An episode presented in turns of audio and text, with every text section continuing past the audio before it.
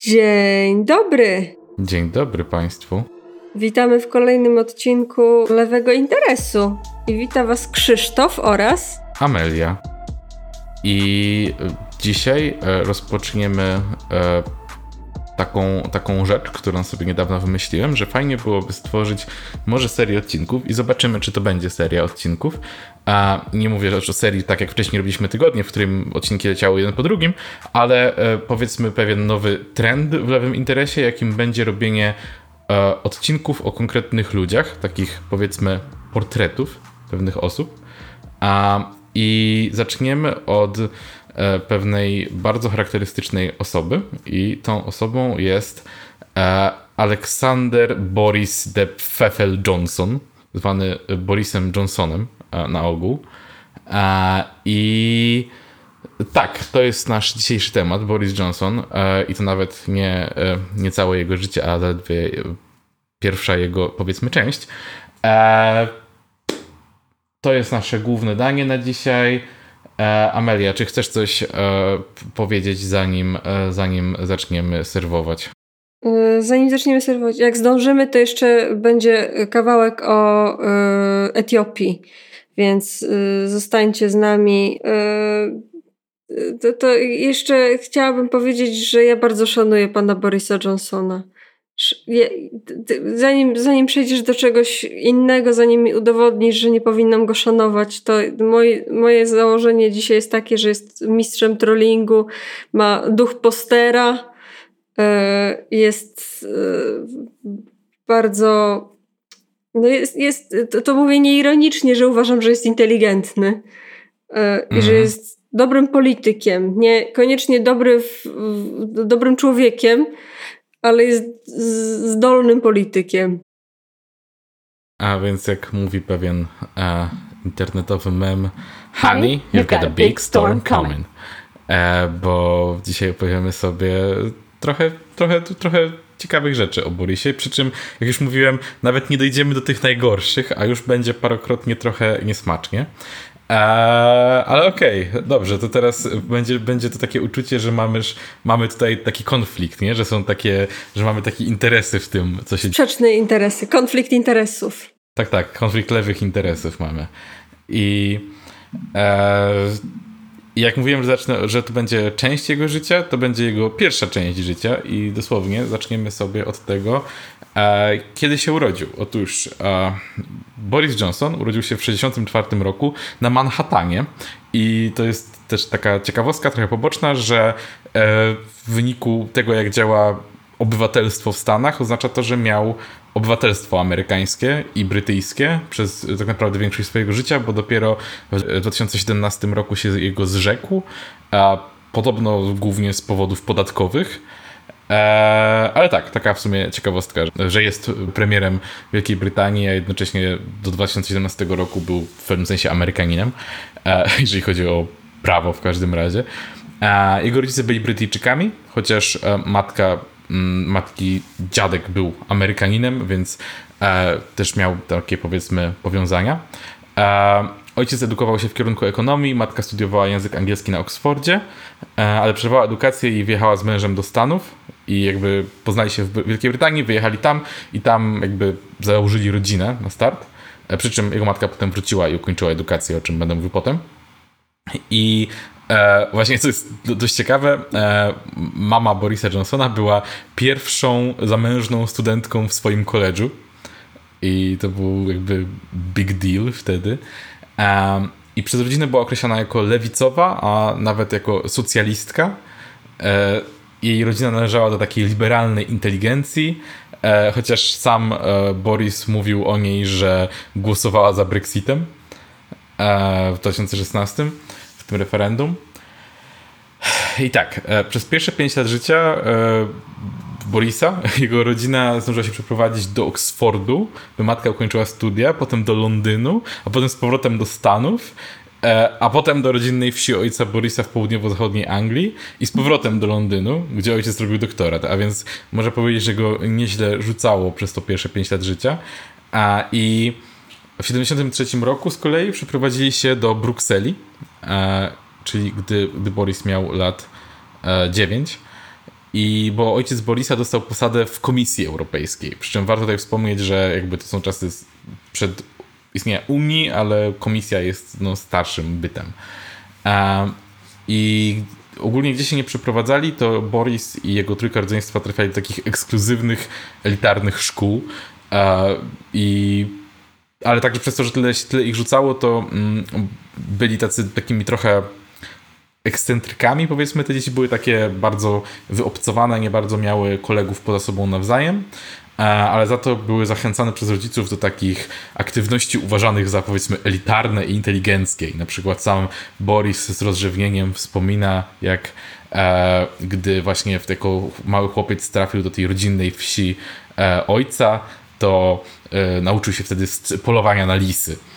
E, I co, co też taka, taka ciekawostka, niezbyt może istotna, ale e, właśnie według jego rodziny, on jako mały chłopiec parokrotnie powtarzał, jakby zapytany, kim chce zostać jak dorośnie, mówił, że chce zostać królem świata.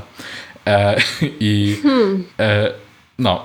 Ale to jest w ogóle e, zabawne, że w Wielkiej Brytanii za inteligenckie uchodzi polowanie na lisy. No ale wiesz, w Polsce trochę to podobnie wygląda, nie? W sensie też mamy. No to nie jest takie... elita jednak społeczeństwa, która poluje na lisy, tylko jacyś dziwnole. No ale jednak wiesz, dużo polityków, e, lekarzy, prawników jest myśliwymi. To jest takie trochę zajęcie bogatych białych facetów w średnim wieku, nie? Fair enough. E, no.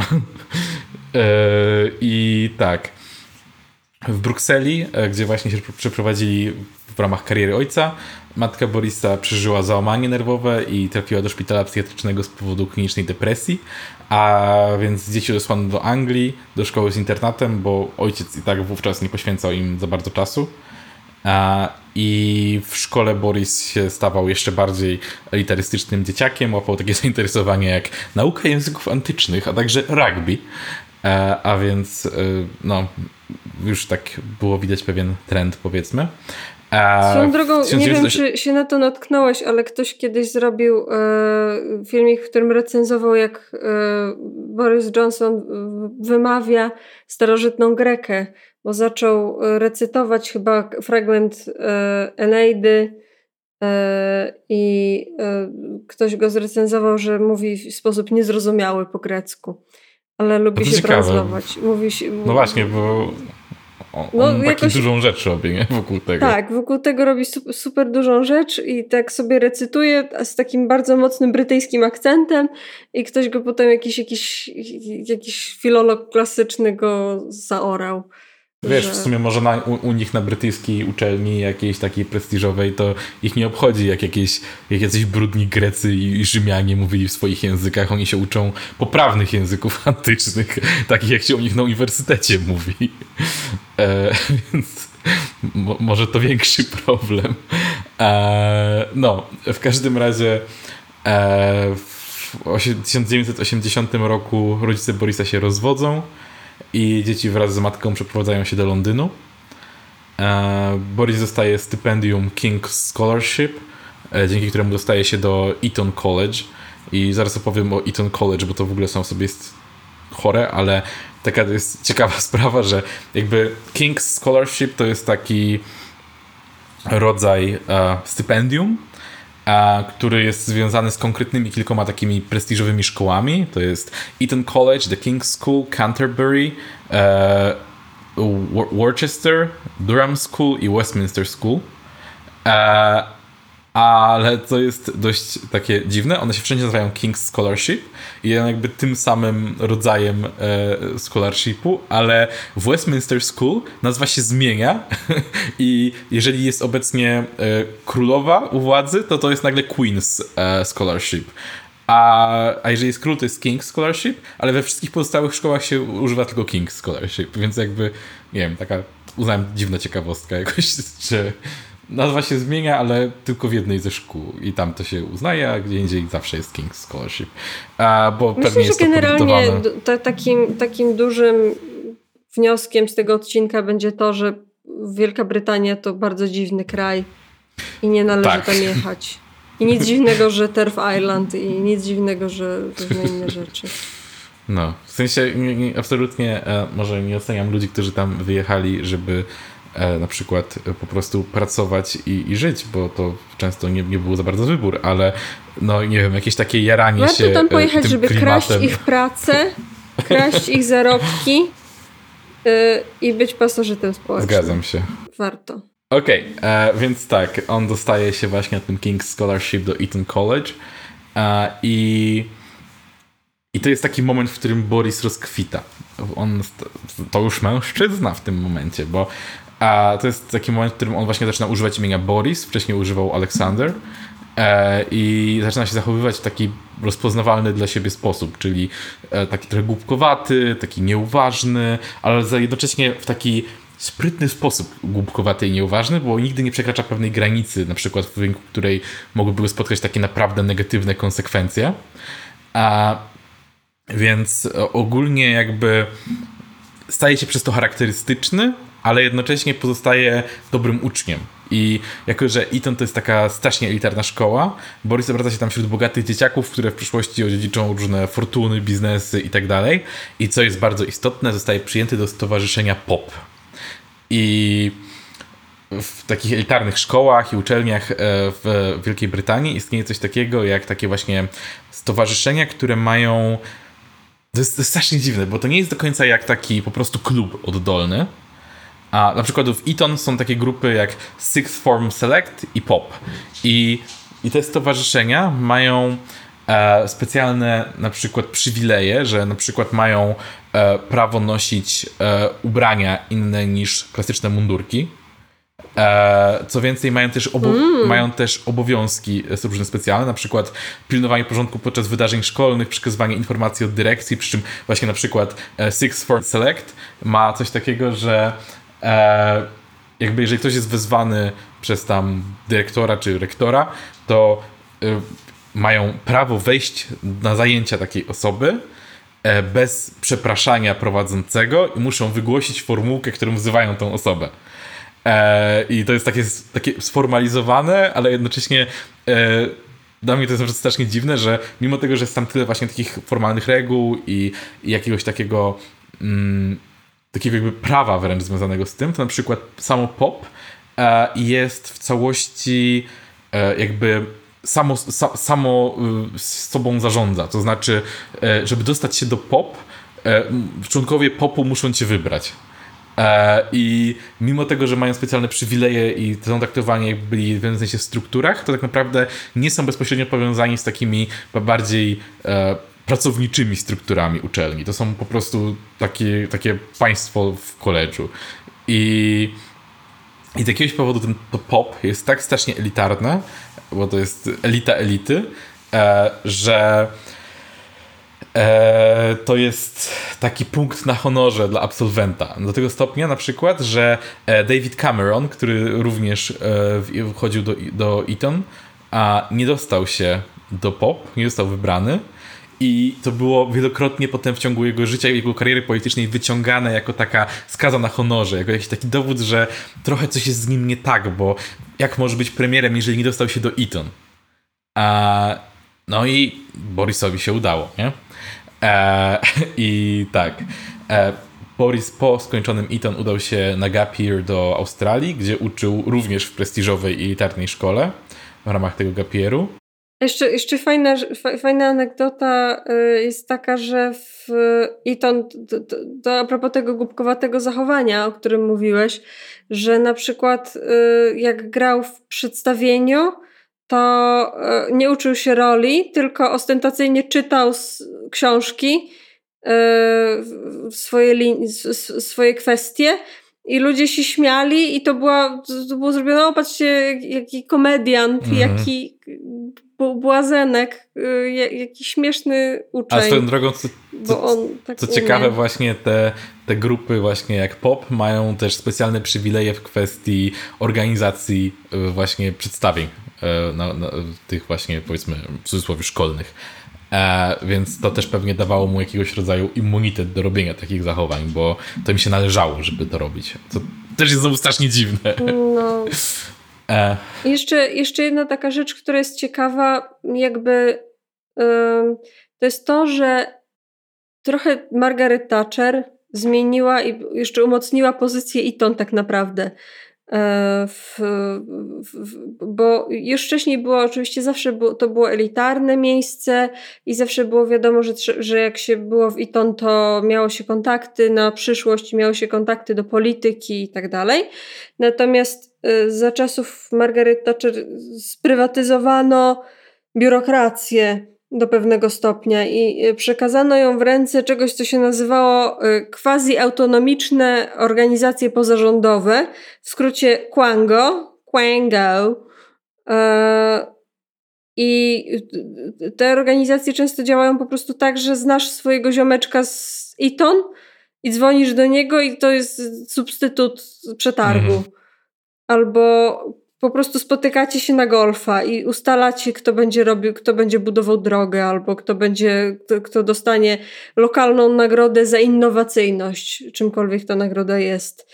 E, I, i, i, i e, przez e, te, te organizacje przechodziło 54 miliardy rocznie I często to było po prostu po, po, poza demokratyczną kontrolą, hmm. poza, że ktoś był mianowany do rady w rodzaju Rada Wyścigów Konnych albo doradczy panel w sprawie budowy czegoś tam. I ta rada istniała i było, byli, byli w niej wyłącznie faceci, którzy się znali z Iton. Tak, bo w ogóle Iton jest. Pozdrawiamy. Iton jest tylko e, męski, nie? Tak, Iton jest no, męski. No, no, więc to też jest takie podwójnie problematyczne w sumie, że masz. E, jedyna droga do sukcesów w pewnych sferach państwa jest przez Iton, a jedyna droga do Iton to jest bycie bogatym chłopcem. E, więc tak no, nie, nie, niezbyt fajnie. E, Okej. Okay. A więc tak, więc Boris kończy Eton, wyjeżdża do Australii na rok, wraca z Australii, dostaje stypendium, dzięki którym zaczyna edukację na Oxfordzie, właśnie w kierunku języków i filozofii klasycznej. A tam zresztą też poznaje mm, swoją późniejszą żonę, Allegrę Mostyn Owen. A, ale co wydaje się być bardziej istotne dla jego późniejszego życia, przyłącza się do czegoś, co nazywa się Ballington Club, i ja naprawdę ja będę w tym, w tym odcinku używał bardzo często określeń takich jak elitarny, prestiżowy, bo oni, oni wszystko robią elitarne i prestiżowe. Nawet e, ten Ballington Club to jest ponad 200-letnie stowarzyszenie. Stowarzyszenie jest ponad 200-letnią tradycją, które pierwotnie było klubem skupiającym się na krykiecie i wyścigach konnych, ale z czasem skupiło się na organizacji imprez i chlaniu i e, w wyniku czego wyrobiło sobie bardzo złą sławę, bo taką tradycją stało się robienie licznych aktów wandalizmu w restauracjach i dormitoriach, gdzie robili imprezy. A więc to nie jest tak, że. Tak, jeszcze robią, robią coś takiego, że yy, przynoszą ze sobą gotówkę i w ramach odszkodowania za wandalizm, ale to nie jest wandalizm w rodzaju rozwalimy kufel z piwem, tylko rozwalimy właśnie, wszystkie właśnie opowiem coś, co, co robili dokładniej zaraz. Ale to jest, to jest bardzo niesamowite właśnie, że to nie jest tak, że to są studenci debile piją piwo, jak to studenci debile robią, tylko to jest e, studenci należą do orga, organizacji, elitarnej organizacji tylko dla bogatych dzieciaków z bogatych rodzin, e, żeby pić piwo i robić burdę. A więc e, co tam się działo? Na przykład tak. W ogóle, właśnie, żeby, żeby w ogóle dostać się do samego klubu i swoją drogą do tego klubu należał zarówno Boris, jak i David Cameron, e, żeby się dostać... I Radek Sikorski. Co? Serio? Serio, Radek Sikorski był stypendystą i był krótko w klubie Bullingtona. No, ciekawe. Więc aby się tam dostać, trzeba właśnie pochodzić z, raczej z bogatej rodziny, albo w każdym razie mieć jakieś bogate koneksje, e, ukończyć odpowiednie szkoły i być facetem. I i te, tradycje, tradycje Ballington są na przykład takie. A taka jedna z głośniejszych spraw, które ostatecznie poskutkowały tym, że dostali zakaz imprezowania na terytorium jakby kampusu samego. A 12 maja 1894 roku członkowie Ballington zbili wszystkie latarnie i wszystkie szyby w oknach i w, e, w drzwiach, przy czym e, jednego budynku w koledżu Christchurch, przy czym okiem w tym budynku było 468. I to się wydarzyło 12 maja 1894, a 20 lutego 1927, chyba by uczcić tamto wydarzenie, zrobili dokładnie to samo. Znowu zbili jakby całe szkło, jakie znaleźli w tym, w tym kompleksie wręcz budynku. To jest taka to jest nie budynek, ale to jest taki na, na planie takiego kwadratu z dziedzińcem pośrodku, taki duży, duża, duża budowla.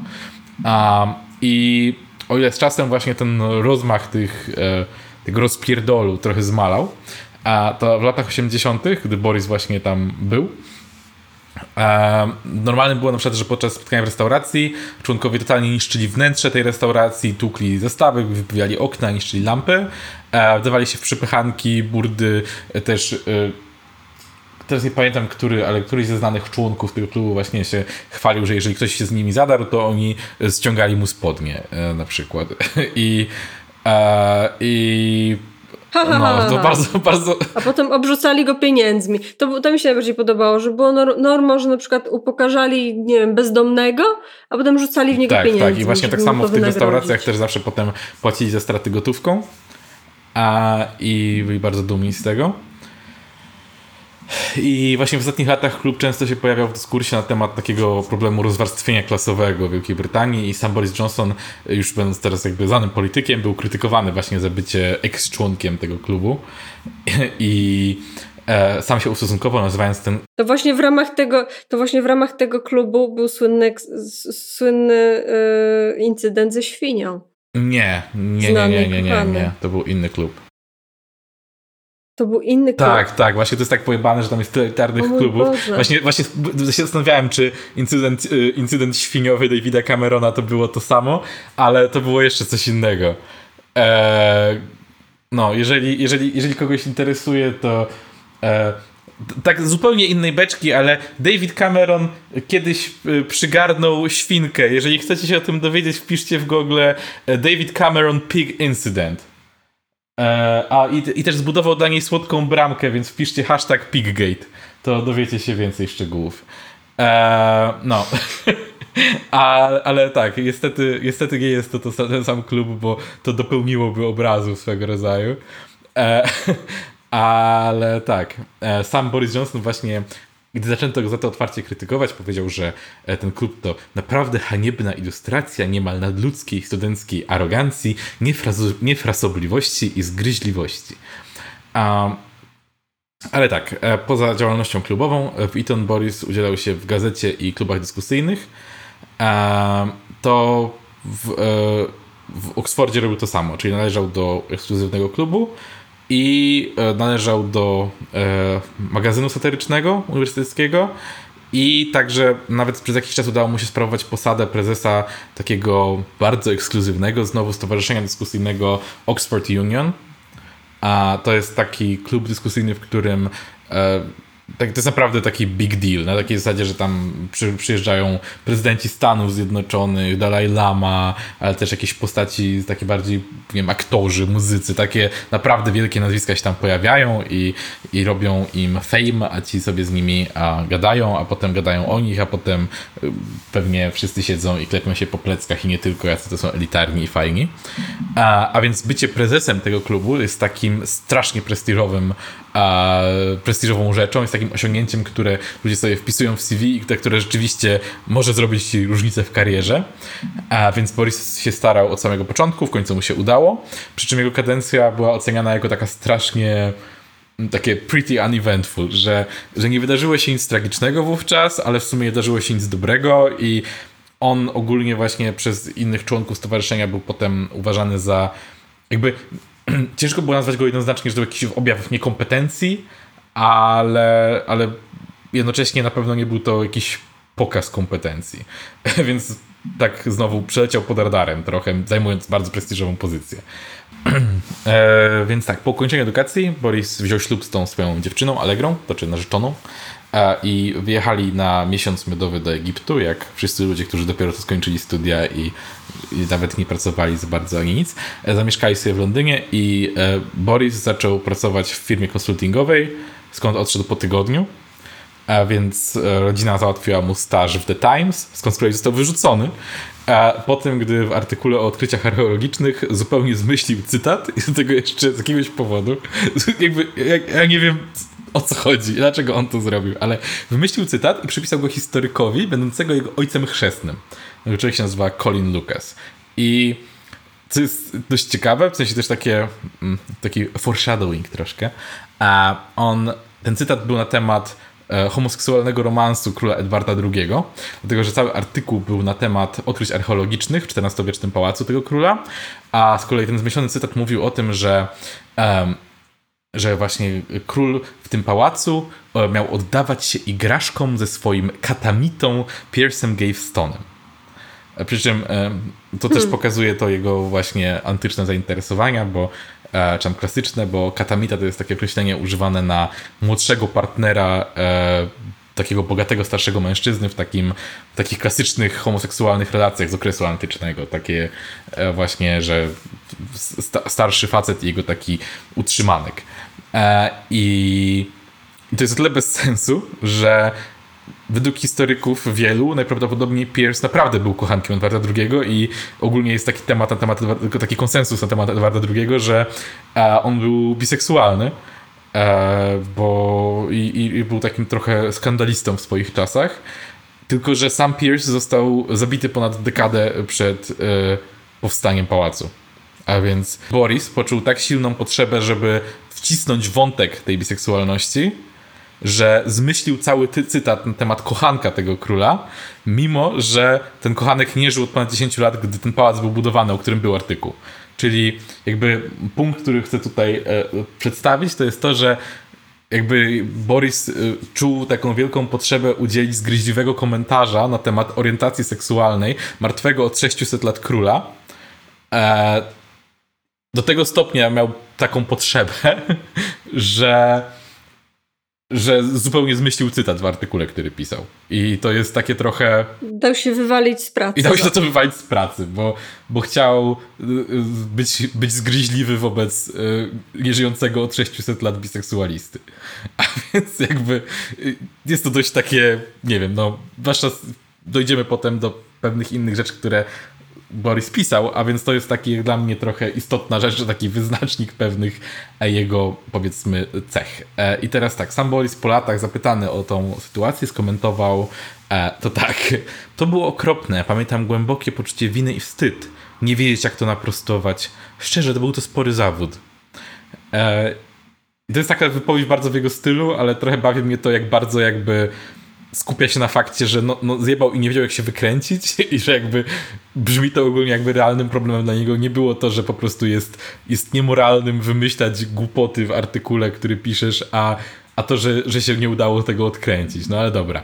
A, następnie dostał, bez, mimo, mimo tego, że to był w sumie spory skandal, tak? Starzysta wymyśla rzeczy w artykule, ale dostał posadę w The Daily Telegraph, dlatego że redaktorem tam był jego koleżka z Oxfordu. I E, zaczął pisać artykuły skierowane do konserwatywnej klasy średniej, e, które stały się popularne przez dość taki nietypowy styl. To jest znowu jakby ta sama rzecz, którą on zawsze robi, czyli zyskuje popularność przez bycie trochę dziwnym. A, I mm, to między innymi takie charakterystyczne było to, że używał strasznych takich archaizmów, takich konstrukcji nietypowych, takich właśnie kojarzonych ze starszymi tekstami i zwracał się do swoich czytelników my friends cały czas.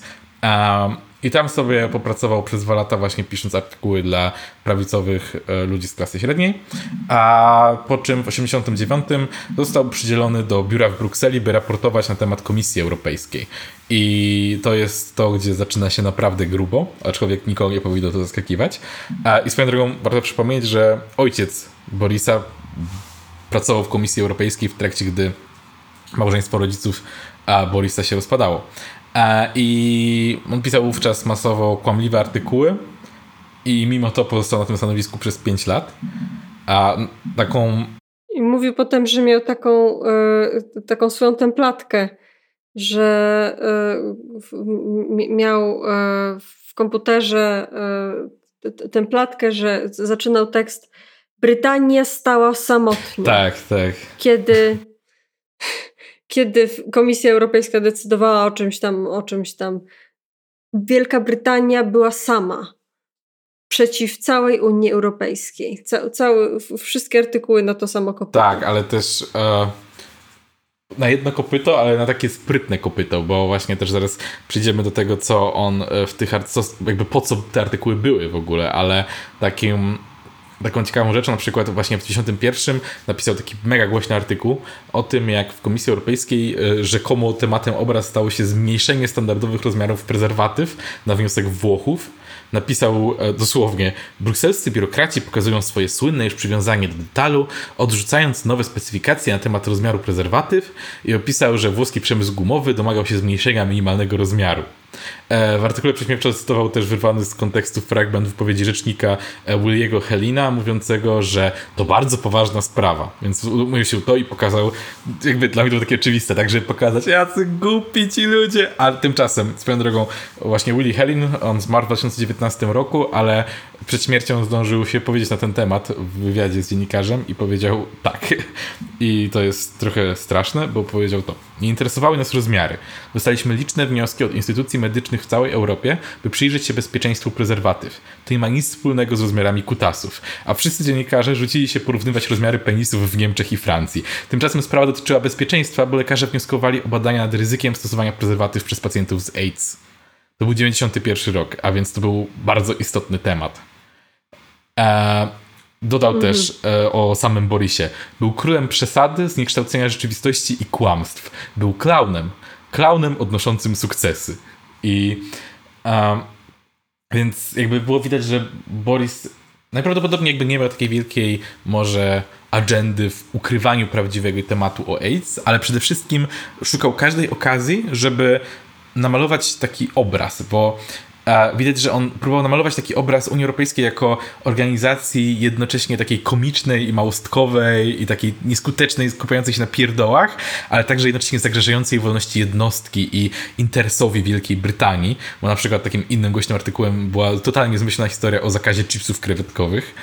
E, i to się stało taką podstawą, a dzięki której eurosceptyzm zlepił się na stałe z linią partyjną brytyjskiej prawicy, która wtedy była jeszcze dość mocno podzielona na ten temat. Sama Margaret Thatcher, mimo że y, jej okres urzędowania pokrywa się z tą pracą Borisa tylko przez jeden rok, a, no ale potem też wiadomo, była ciągle istotną osobą w konserwatywnych kręgach. Ona strasznie lubiła artykuły Borisa, uważała je za super dobre i w ogóle dobre dziennikarstwo i bardzo to a, wyrażała, że, że to jest dobra robota.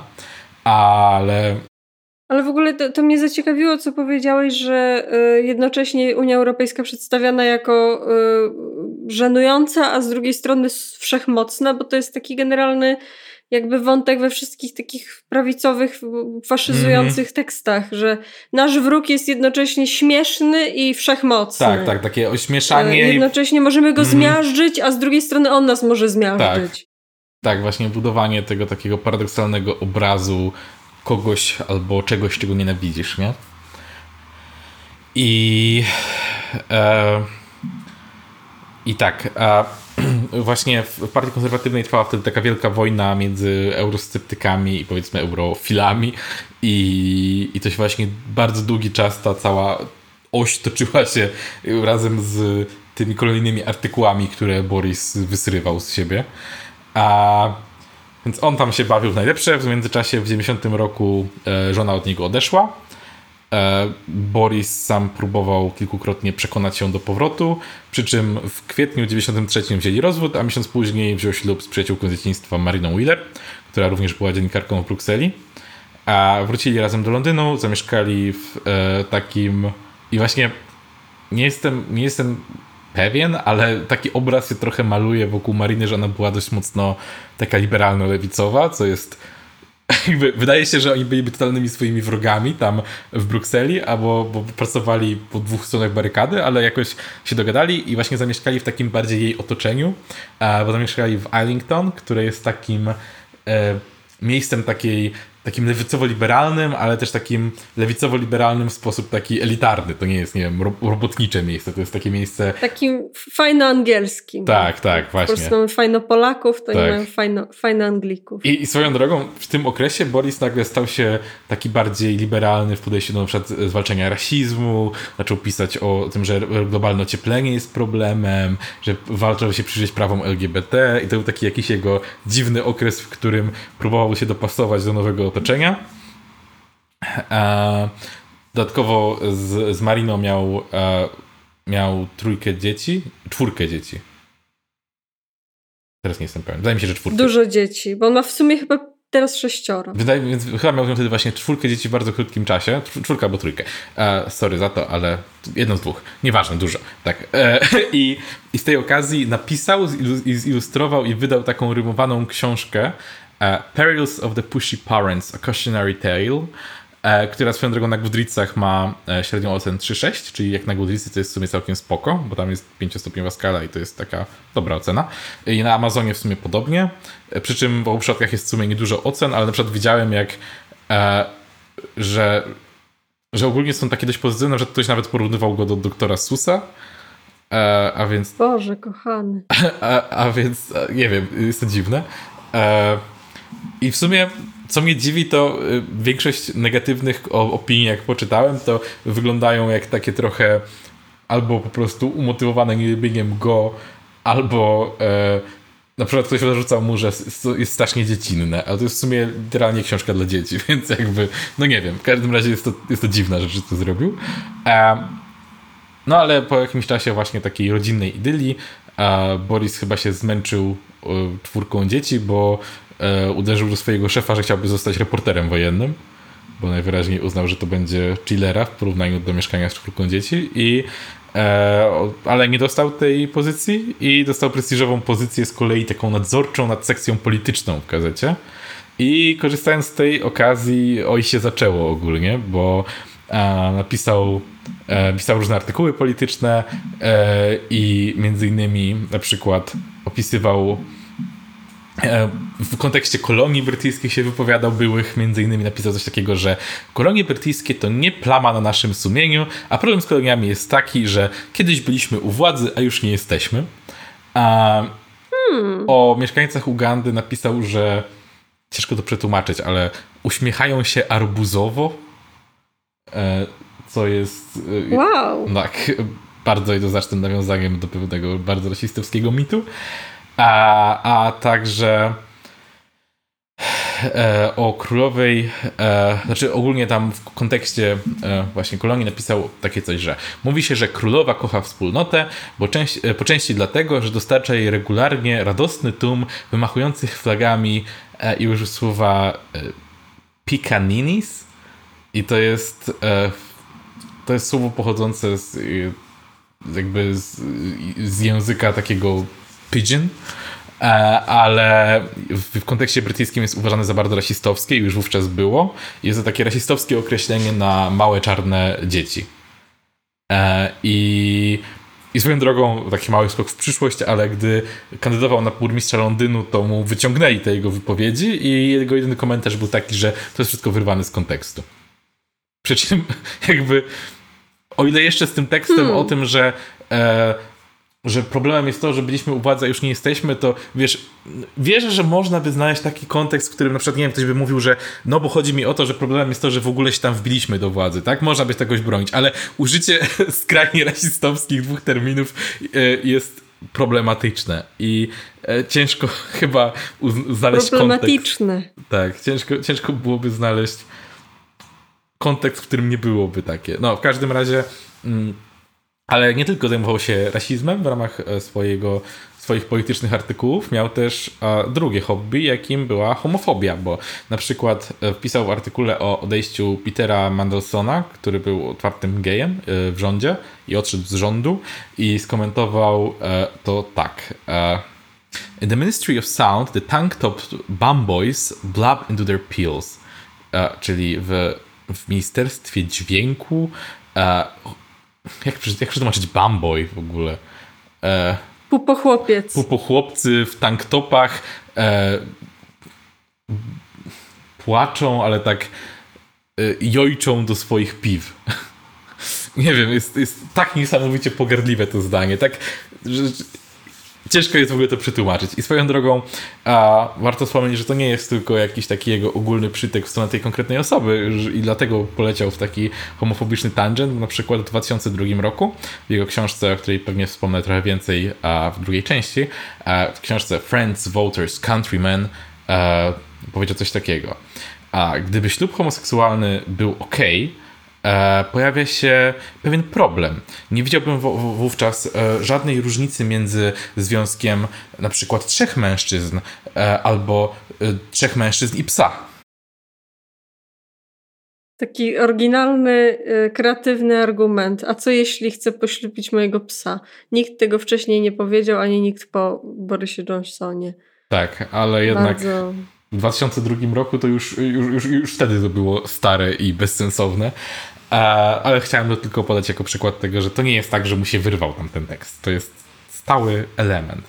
I mimo tego dostał za pracę na tej pozycji prestiżową, znaczy w trakcie pracy na tej pozycji jakąś prestiżową nagrodę e, komentatora roku według e, What the Papers Say. I, I został określony jako e, taki nie bezpośrednio partyjny i taki właśnie ujmujący różne perspektywy dziennikarz, a podczas właśnie jakby w, tak było usprawiedliwione między innymi temu tej nagrody. tak zwany. Tak, tak. I dochodzimy teraz do 93 roku i to jest rok, w którym Boris stwierdza, że nie wystarcza mu już pisanie o polityce i, i mieszanie w polityce pośrednio i postanawia po raz pierwszy wkręcić się w politykę na poważnie. E, I o tym właśnie będę chciał od tego będę chciał zacząć e, kolejną, drugą część o Borisie, czyli Boris jako polityk. To był Boris jako, jako dziennikarz, jako dziecko i obie części są o Borisie jako o strasznym chuju. A, dziękuję. E, Amelia, oddaję Ci głos. Cześć, y, cześć wszystkim. Dzisiaj chciałabym tylko króciutko Wam opowiedzieć o tym, co się dzieje w Etiopii, bo dzieją się rzeczy bardzo złe. I y, może zacznę od tego, że y, Etiopia, taki, taka krótka powtóreczka z Etiopii. Etiopia ogólnie była jednym z chyba jedynym w ogóle, czy jednym z niewielu krajów w Afryce, które nie zostały skolonizowane. I do lat 70. było tam, było tam królestwo, znaczy cesarstwo, był cesarz Haile Selassie. E, możecie kojarzyć z książki, e, książki Kapuścińskiego, tylko się za bardzo nie sugerujcie tą książką, bo Kapuściński kłamał dużo. W każdym razie cesarstwo obalono i obalili go komuniści, marksiści. No i no i sytuacja była taka, że trochę smutno, ale Etiopia jest akurat w takim regionie, że bardzo łatwo wprowadzić e, głód E, I bardzo e, to jest akurat ten region w Afryce, gdzie głody i generalnie susze zdarzają się dość często. Więc często ludność polega na imporcie żywności i jak się ten import źle zorganizuje, czy to z powodów logistycznych, czy z powodów politycznych, to ludzie umierają z głodu bardzo mocno. No i w czasach z, z, za komuny w Etiopii umarło dużo ludzi z głodu.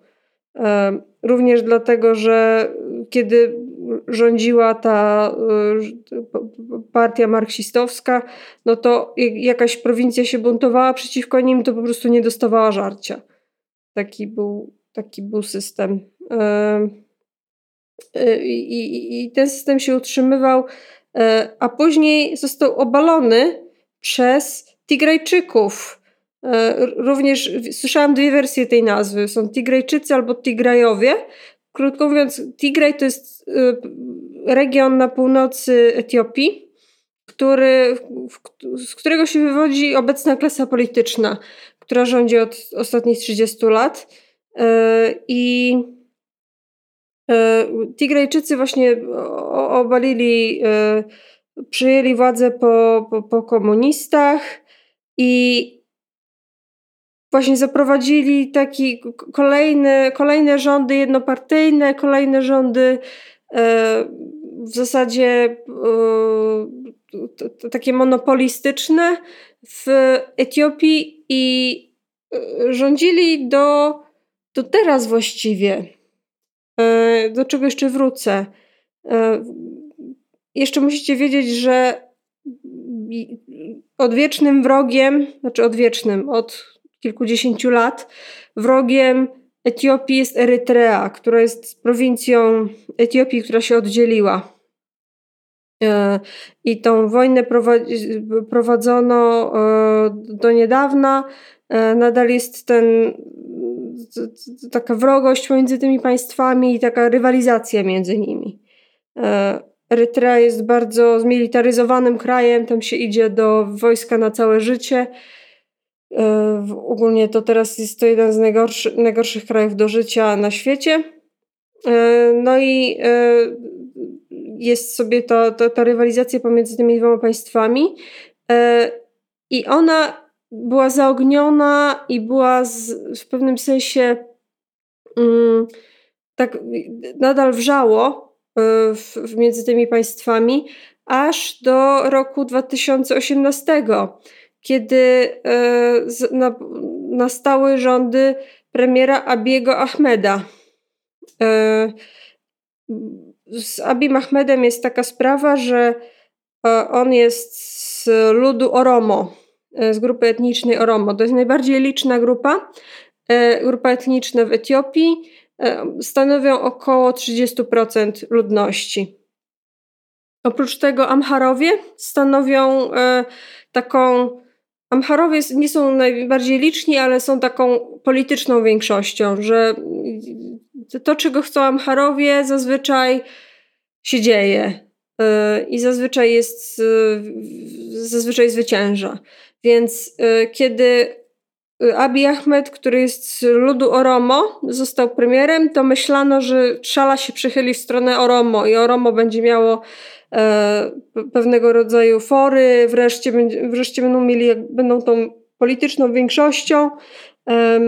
tylko, że sytuacja była taka, że Tigrejczycy nadal rządzili. Partia Tigrejczyków nadal, nadal była u władzy. Oni mianowali Abiego Ahmeda na premiera, bo miał być potulny, miał być konsyliacyjny i on był też wcześniej członkiem tego rządu.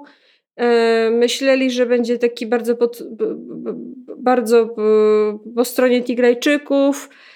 Też myśleli, że będzie po stronie Oromo, ale z Oromo nie za bardzo im na tym zależało. Co zrobił Abiy Ahmed? Postanowił zrobić pokój, znaczy tak przynajmniej się wydawało.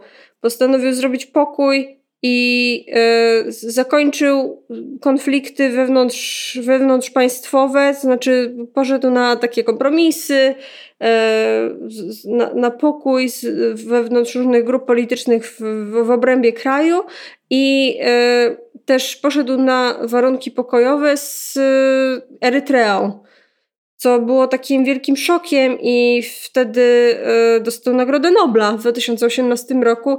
Abiy Ahmed dostał Nobla pokojowego, y, tylko że zaraz po tej Nagrodzie Nobla normalnie jest tak, że odbierasz Nagrodę Nobla, wygłaszasz wy, wykład noblowski i masz y, masz swoją konferencję prasową. On nie poszedł na konferencję prasową, co było dziwne. No i to był taki pierwszy znak, że on coś planuje niefajnego albo nie chce odpowiadać na pytania. Normalnie wcześniej myślano o nim w kategoriach takiego, takiego wyzwoliciela trochę. E, myślano o nim jako takim e, liberał, o liberale. E, myślano o nim jako takim wyzwolicielu ludzi, którzy byli na przykład więźniami politycznymi. Natomiast obecnie zaczął zamykać z powrotem tych, których wypuścił, e, zaczął zamykać swoich e, przeciwników politycznych, e, no bo po prostu doszło do takiego punktu, w którym na przykład przestał być popierany przez swoją własną grupę etniczną, bo grupa etniczna Oromo jest, była za tym, żeby zdecentralizować rządy w kraju, grupa, a on chciał właśnie scentralizować te rządy. Więc no, trochę, trochę im było nie po drodze. Potem e, e, Amharowie przyjęli, trochę zaczęli go bardziej popierać. E, no i e, sytuacja była taka, że przestał się, przestał się dogadywać z Tigrajczykami, czyli przestał się do, dogadywać ze swoją własną partią, która go mianowała, czyli przestał się dogadywać z ręką, która go karmi, co się wydarzy, co, co było niefortunne. No i e, Tigraj to jest cała, przypominam tylko, że to nie jest tylko partia polityczna, tylko to jest cała grupa etniczna, która jest na północy kraju. E, I w w listopadzie 2020 e, roku zaczęła się sytuacja taka, że e, nagle e, ogłoszono podczas, podczas wyborów prezydenckich w, w Stanach Zjednoczonych, gdzie wszyscy uważali tylko, kto wygra w Stanach Zjednoczonych i nie, nie uważano na to, co się dzieje gdzieś indziej na świecie. E, nagle Abiy Ahmed ogłosił, że e, Tigrajczycy przeprowadzili atak na jakiś tam obiekt wojskowy w Etiopii i on musi e, odpowiedział zbrojnie na ten atak. Nie wiadomo, czy rzeczywiście był jakikolwiek atak ze strony Tigrajczyków. Wiadomo, że zaczęła się wtedy wojna. I wojna polega na tym, że po prostu przeprowadzono inwazję na Tigraj. W międzyczasie jeszcze były wybory bodajże w czerwcu były wybory, e, których, które odbywały się tylko w rejonach, które są za Abiy Ahmedem. Ale okropne. E, no i generalnie w tym listopadzie wojsko wjechało do Tigraju, zamknęło za sobą wszystkie drogi komunikacji, nie wpuszczali tam żadnych organizacji pomocowych, dziennikarzy, wyłączyli telefony, wyłączyli internet było tam po prostu ciemno, blackout całkowity całej, całej, yy, całej yy, strefy. Yy, jedyne, co było otwarte, to znaczy półotwarte, tak że dało się uciec, to była granica z Sudanem. I ludzie uciekali do Sudanu i tylko i wyłącznie przez ludzi, którzy, którym się udało uciec do Sudanu, wiemy w ogóle, co tam się działo. A dzieją się rzeczy straszne, bo dzieją się masowe masakry, masowe gwałty, masowe palenie wiosek, masowe y, dewastacja. Obecnie na przykład teraz wojsko podbiło do takiej miejscowości, mm, nie pamiętam jak ona się nazywa, w każdym razie jest tam, są tam y, pierwsze meczety. Pierwsze meczety, jakie w ogóle są na świecie, są tam pierwsze meczety i albo jedne z pierwszych koptyjskich kościołów. Y, co nie? Czy, czyli są tam e, bardzo e, po prostu unikatowe zabytki e, i to jest niszczone.